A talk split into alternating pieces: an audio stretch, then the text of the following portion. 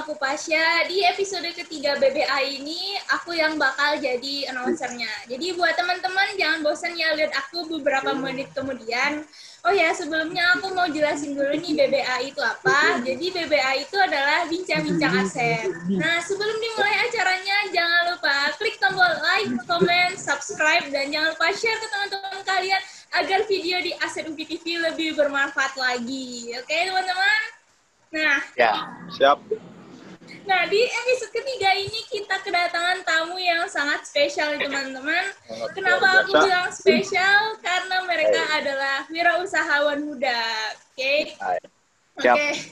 Oke, siap. Eh, kenapa aku bilang eh, seorang wirausahawan itu sangat keren? Karena mereka nantinya bakal membantu pemerintah eh, untuk mengatasi eh, pengangguran. Amin. Amin. Amin. ya Allah. Amin, amin.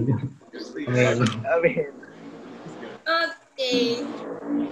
Eh, terus eh, sekarang ini kan lagi masa-masa pandemi ya, pasti eh, bisnis mereka bakal mengalami perubahan ya teman-teman. Mungkin ada mungkin beberapa dari teman-teman yang penasaran nih, gimana sih cara mereka dalam meningkatkan eh, bisnis mereka gitu. Mungkin kita bakal mengulik-ulik nih eh, bisnis mereka. Oke, sebelum itu aku mau say hi dulu nih kepada bintang tamu kita. Halo teman-teman semua.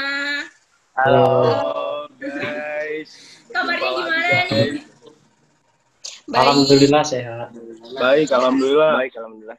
Oke, mungkin aku bakal tanya satu-satu nih nama kalian. Oke, buat eh, Akang yang pakai baju putih, silahkan perkenalkan namanya. Ya, halo Teh. Perkenalkan nama saya Rizky Mabruri dari kelas 2A Program Studi Kewirausahaan Universitas Pendidikan Indonesia. Rizky. Eh, Oke, sekarang buat Akang yang berdua nih yang pakai baju hitam-hitam nih.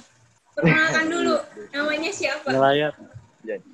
Ya, perkenalkan nama saya Fauzan Nurdatullah dari Prodi Kewirausahaan UPI Kampus Tasikmalaya. Ya, nama saya Muhammad Arif Al-Fakih. Dari Prodi Kewirausahaan UPI Kampus Tasikmalaya. Ya, sebelumnya kita berdua apa bareng itu karena kita adalah tim dan satu lagi ada Hilwa yang tidak bisa datang ke lokasi. Jadi makanya cuma berdua Gimana caranya berdua aja? Itu kan dia ada di situ. Oke. ya sekian. Nah, ini kita mau kenal dulu nih sama Teteh yang paling cantik di sini. Eh, Teteh namanya siapa, Teh? Teteh cantik. Halo, kenalin nama saya Hilwa Kotrada Salsabila. Saya owner juga dari Nine Nine Bar, bagian keuangannya. Wes, mantul nih teman-teman. Oke. Mungkin aku bakal nanya-nanya ini ya. Eh, buat eh, Akang Rizky dulu nih. Tadi kan udah nih perkenalan diri ya. Sekarang Iya, Teh. aku nanya eh, bisnis Akang Rizky bergerak di bidang apa? eh, jadi bisnis saya ini bergerak di bidang kuliner ya khususnya makanan tradisional yaitu kue pukis. Ya, aku lupa tadi nanyanya nama bisnisnya apa. Oh, nama bisnisnya yaitu Zalki Pukis. Jadi Zalki, Zalki Pukis itu eh, diambil dari perpaduan antara nama saya dan adik saya. Eh, Zal itu berarti Rizal dan Ki itu artinya Rizky. Eh, ngomong-ngomong makanan tradisional nih. Kalau makanan tradisional tuh berarti dari daerah ya. Oh, kamu teh asalnya dari mana gitu dan apa aja sih nama makanan yang dijual gitu? Eh, kalau saya sih as- tinggal di Cikarang ya Teh, cuman saya asli dari Jawa, dari Klaten, Jawa Tengah. Oh, jadi makanannya tuh makanan Jawa Tengah kan, bukan Cikarang? Eh, jadi pukis ini sih makanan tradisional yang bisa, kalau bisa dibilang sih bisa ditemuin di seluruh Indonesia, khususnya di Pulau Jawa ini. Oke, mungkin saya yang kurang tahu kali ya tentang cookies atau mungkin nggak ada kali di daerah saya, saya nggak tahu. Oke, Iya. sejak kapan nih berdirinya eh, Zaki Pulkis? Ah, jadi, ah, iya, jadi saya mulai ini dari awal awal September tahun 2020 ini. Berarti di masa-masa pandemi ini ya? Iya di masa-masa pandemi jadi sambil ngisi waktu buat karena kuliah online juga jadi kita sambil belajar buat berwirausaha jadi kita manfaatkan masa muda ini agar masa skill kewirausahaan kita. Nah, benar tuh. Bener ya, daripada tiduran ya mending cari uang ya. Oke. Eh, apa sih Ya, perbedaan eh, apa sih perbedaan eh, produk kamu dari produk yang lain gitu? Oh iya, jadi uh, di kompleks saya ini ada yang jual cookies juga, tapi uh, cookies yang mereka jual itu kadang uh, berharga Rp2.000 dan tidak uh, dipakai pakaikan topping gitu. Jadi kelebihan dari saya itu pertama dengan harga Rp2.000 kita bisa mendapatkan cookies dengan aneka rasa itu ada strawberry, coklat, matcha dan lain-lain. Dan kalau cookies yang biasa dijual dari produk pesaing juga kadang uh, itu pada saat siang hari kadang juga udah agak keras. Tapi kalau cookies yang saya jual ini bisa bertahan sampai dua hari bahkan untuk nah, esok harinya untuk pagi hari besoknya itu masih terasa teksturnya masih empuk. Wah, kayaknya enak nih teman-teman. Eh, Kapan-kapan bisa kirim ke Padang ya. Siap. Karena aku belum pernah nemuin cookies di Padang, tapi mungkin akunya yang kudet dan aku nggak tahu mungkin kali ya. Oke, Oh, iya, Nah, iya. ini kamu kamu eh, kenapa eh, bisnis dengan eh, saudara kamu gitu? Kenapa nggak sama temen gitu? Eh, sebenarnya di sini saya sendiri ya teh cuman kalau dibilang eh, berdua eh secara partner atau sendiri saya lebih senang berbisnis itu dengan beramai-ramai orang tapi minimal dua orang jadi kita bisa saling bertukar ide bagaimana untuk strategi ke depannya gitu. Jadi minimal sih kalau saya dua orang sih udah cukup Oke, oke teman-teman. Jadi itu tadi eh, apa pembahasan dari Zaki Bulkis. Oke, eh, Rizky mungkin kita nanti lanjutin lagi ya pertanyaan lain. Mungkin aku bakal nanya lagi ke Nine Siap, Nine Teh. Bar nih. Oke, buat Nine Nine Bar nih. Eh, bisnis Nine Nine Bar nih bergerak di bidang apa? gitu? Eh, di bidang kuliner. Bidang kuliner. Oh ya. Eh, terus eh, Nine Nine Bar nih kuliner ya. Nine Nine Bar nih jualannya apa gitu? Kuliner kan banyak ya. Maksudnya tuh Eh, ini kami bawa gitu? sampel Ini produk sampel produknya. yang telah kami buat. Jadi Oh my ini god, tuh- minuman. Iya, Iya, minuman. Boba yang Minuman bervariasi, Wak. Rasanya. Oke, kekinian banget ya minumannya. Sumpah aku juga suka loh yang itu tuh. Bisa dikirim ke Padang juga ya? Nanti. Bisa, Bisa, bisa. aman itu slow. aman. Oke, kayaknya enak tuh. Aku tuh pecinta boba guys masalahnya. Jadi kalau sekali Aduh, ini boba tuh rasanya, guys. aduh, jangan gitu dong. Aku juga pengen gitu kan. Aduh, iya, guys. Oke, Eh, Nina Nina Bar ini sejak kapan berdirinya? Awal Oktober 2020. Awal Oktober. Satu-satu. Oktober 2020. Eh, lokasinya di mana Nina Nina Bar ini? Sebenarnya kita belum Jadi awalnya di Bandung didiriinnya. Cuman gara-gara aku sama Fauzan. Dan awalnya juga belum buat store offline-nya. Cuman baru di ide-ideinnya tuh di Jalan. Iya, awalnya. ah, cabang di Tasik. Insya Allah. Ya, amin. Kalau di Tasiknya di mana Amin, nih? ya Allah. Amin, amin. Rencana ya? Jadi aku bisa main ke sana kan? Gitu. rencananya kita akan buat di Tasik offline store-nya. Eh, enggak, maksudnya tuh Tasiknya tuh daerah mana gitu? Bandungnya daerah mana? Bandungnya Bandung. tuh daerah Pajajaran ya? Pajajaran. Pertama aja. Apa sih Bandung? Iya, di Bandung. Oh, oh kalau yang apa di Bandungnya mah tepatnya di Jalan Tamiyaji di Pajajaran. Kalau yang di Tasiknya rencananya mau di mana nih? Kalau di Tasik rencananya? Rencananya Oh, bisa. paling daerah BKR sih soalnya targetnya kami Yang pertama mahasiswa, selanjutnya ada Remaja-remaja. dan masyarakat umum Tasik lainnya. Oke, mudah-mudahan pandemi cepat berakhir ya dan aku bisa beli minuman dini dan dini barnya. Aku soalnya aku pecinta boba, jadi of course aku bakal beli tenang guys. Oke. Nih, apa perbedaan produk eh, kalian dengan produk yang lain gitu kan? Sekarang banyak nih orang-orang yang apa jualan boba gitu. Apa perbedaannya dari produk-produk kalian? Eh, Apa? harganya lebih terjangkau. Eh, harga kisaran terjangkaunya berapa itu? So, dari startnya mulai dari 10.000 sampai 12.000 aja teh. Wah, terjangkau banget tuh. Sumpah aku tuh nggak sabar nyobainnya nih. Oke, eh, kalian kan bertiga nih. Kalian kan berpartner gitu. Pastilah ya dibagi-bagi gitu. Ada yang finansial, ada yang marketing, ada yang produksi gitu. Coba jelasin. Hilwa bagian tadi, Hilwa bagian finansial ya. Nah, kalau Arif gitu bagian apa? Fauzan bagian Saya- apa gitu? Bagian marketing sih.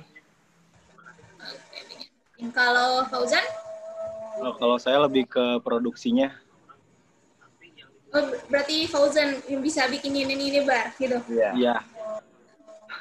Mantul ini keren. Oke, Eh, kalian bertiga nih kenapa kalian tuh memilih bisnis berpartner gitu? So- soalnya awalnya awalnya saya berpikir kan kayak kalau sedaerah itu gampang, simpel. Jadi kalau misalnya ada masalah apa tuh gampang buat didiskusiinnya gitu. Tapi ke sini-sini tuh kayak enak aja buat eh, berbagi ide. Jadi kalau misalnya ada masalah ya nggak ribet sendiri gitu teh. Iya iya. Iya, mungkin apa tambahannya karena berpartner itu kita jadi memiliki banyak sumber daya manusia dan mempunyai kelebihan masing-masing sehingga nantinya dapat melengkapi satu sama lain. Iya, kalau iya sih, kalau misalnya berbisnis ya emang bagusnya berpartner ya. Kalau sendiri sih kayak buntu gimana gitu ya. Ya. Oke, eh, mungkin aku lanjut lagi ke Kang Rizky Ma Ma Mabruri nih. Oke, Kang halo Kang Rizky, balik Iya, lagi nih. Iya, Oke. Eh, ini kamu kan eh, di masa pandemi ya, terus pasti ada halangan kan ya. Terus apa sih eh, strategi bisnis kamu gitu? Apa sih strategi pemasaran buat bisnis kamu?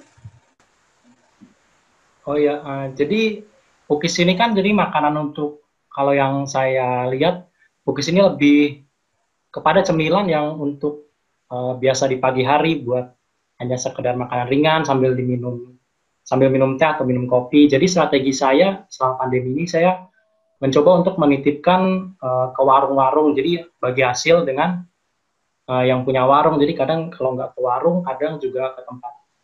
Kadang ibu-ibu juga di, di, di dekat rumah saya ada yang jualan aneka uh, kue basah gitu kadang saya juga nitip Uh, tapi kadang juga ada pre-order cuman kalau pre-order ini uh, kadang uh, masyarakat di dekat kompleks saya itu lebih suka memilih beli bijian ya satu atau dua daripada per box jadi kalau saya ini contohnya ini ada uh, per box. Jadi, aduh, jatuh. Bisa saya isi sekitar 5 bukis dengan harga 10.000. Jadi, kadang kalau orang kadang di kalau masyarakat di sini 10.000 itu kadang kebanyakan. Jadi, lebih baik saya titipkan ke warung sambil ibu-ibu belanja sambil bawa anak juga. Jadi, pada beli di sana kayak gitu. Oh, oke oke. Oh iya tadi tuh aku penasaran nih. Coba liatin lagi dong kulkisnya gimana. Aku pengen tahu kulkisnya yang mana. Jatuh tadi. Teh. Ini oh, teh. yang itu. Iya, Nah, iya. jadi- Aku, aku pernah lihat. Iya. Kayak kue pancong teh sebenarnya. Cuman kalau kue pancong kan lebih dengan menu berbahan dasar kelapa.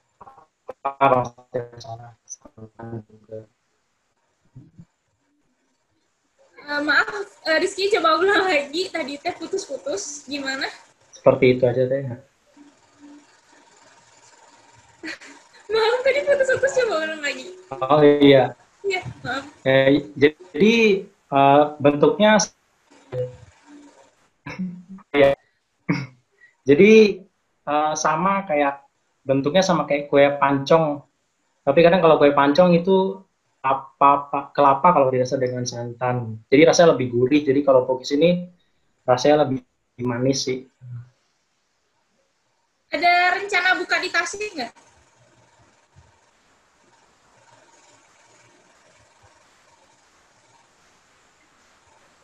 Sebenarnya di Tasik saya pengen lebih lanjutin usaha angkringan teh bareng teman-teman saya. Jadi kan lagi growth ya. Jadi saya pengen fokus ke angkringan. Oh, yang angkringan. Oh iya, yang berlima ya?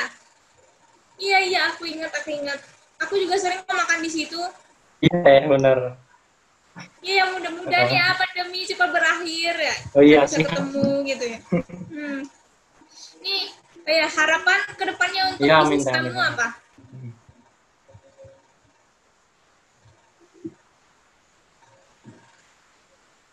Halo. harapannya sih semoga uh, bisa pandeminya bisa cepat hilang ya teh. Hmm.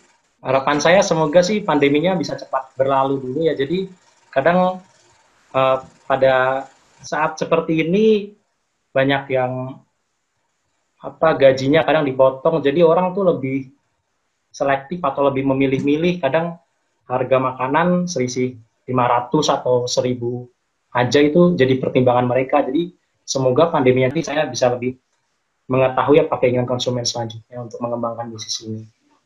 Amin. Nah, nih tips-tips nih buat teman-teman kewirausahaan yang lain atau buat audiens eh audiens eh, YouTube Aset TV nih apa? Dalam Oh iya, menjalankan bisnisnya ini. Nah, jadi tips ini pertama yaitu mental ya. Kadang saya pernah dengar uh, suatu video motivasi dari seorang entrepreneur terkenal Indonesia bahwa uh, dalam menjalankan sebuah bisnis itu tahun pertama yaitu harus siap dengan segala penolakan yang ada. Jadi kalau ki- kita udah bisa melewati tahun pertama dengan siap menghadapi penolakan akan produk kita, insya Allah untuk tahun-tahun selanjutnya uh, bisa lebih baik lagi kita dalam membuat buat bisnis ini. Amin. Nah, lalu ada lalu ada lagi. Jadi kalau misalnya ya, jadi kalau misalnya teman-teman semua mempunyai target besar gitu, pengen bisnisnya punya omset yang uh, baik 100 juta atau berapa, jadi kalian pun harus uh, menargetkan target kecil terlebih dahulu. Jadi ibarat uh, tangga itu sebelum kita mau sampai ke atas, kita harus melewati beberapa step dengan uh, misi-misi yang ada. Jadi tidak hanya visi, tapi misi-misi dalam menentukan tujuan itu harus tercapai. Oke. Itu aja mungkin deh. Oke, makasih Kang Rizky Mabruri telah memberikan tips-tipsnya kepada Siap, kita. ya. Oke, mungkin aku bakal lanjut dulu ke Hilwa Siap. dan dan teman-teman ya. Oke. Siap, Teh. Eh, sekarang kan lagi di masa pandemi nih. Apa sih strategi pemasaran kamu untuk bisnis kamu gitu sama teman-teman gitu? Strategi pemasarannya. Pastinya ngadain promosi teh di awal untuk grand openingnya dan pakai promosi buy one get one tiap bulannya kayak gitu teh biar puluh ribu. Untuk tambahannya mungkin strategi yang kami buat mungkin dari pemasaran ya. Mungkin dipromosikannya itu melalui media sosial gitu. Kan saat ini mungkin hampir semua aktivitas itu melalui WFH gitu kan. Dan mungkin lebih bisa tersampaikan melalui media sosial tersebut. Oke. Nah, harapan ke depannya untuk bisnis kalian apa nih? corona dulu harus cepat selesai nanti kita bikin offline store di Tasik Amin. Dari Arif atau Fauzan gimana? Ya mungkin harapannya jika sudah ada offline store bisa lebih maju, lebih memiliki banyak cabang di berbagai Amin. daerah dan membuat konsumen terpuaskan dengan apa yang kami produksi itu sendiri sih. Oke. apa nih tips buat teman-teman kewirausahaan dan audiens YouTube Asirupi TV nih? Tips-tipsnya gitu.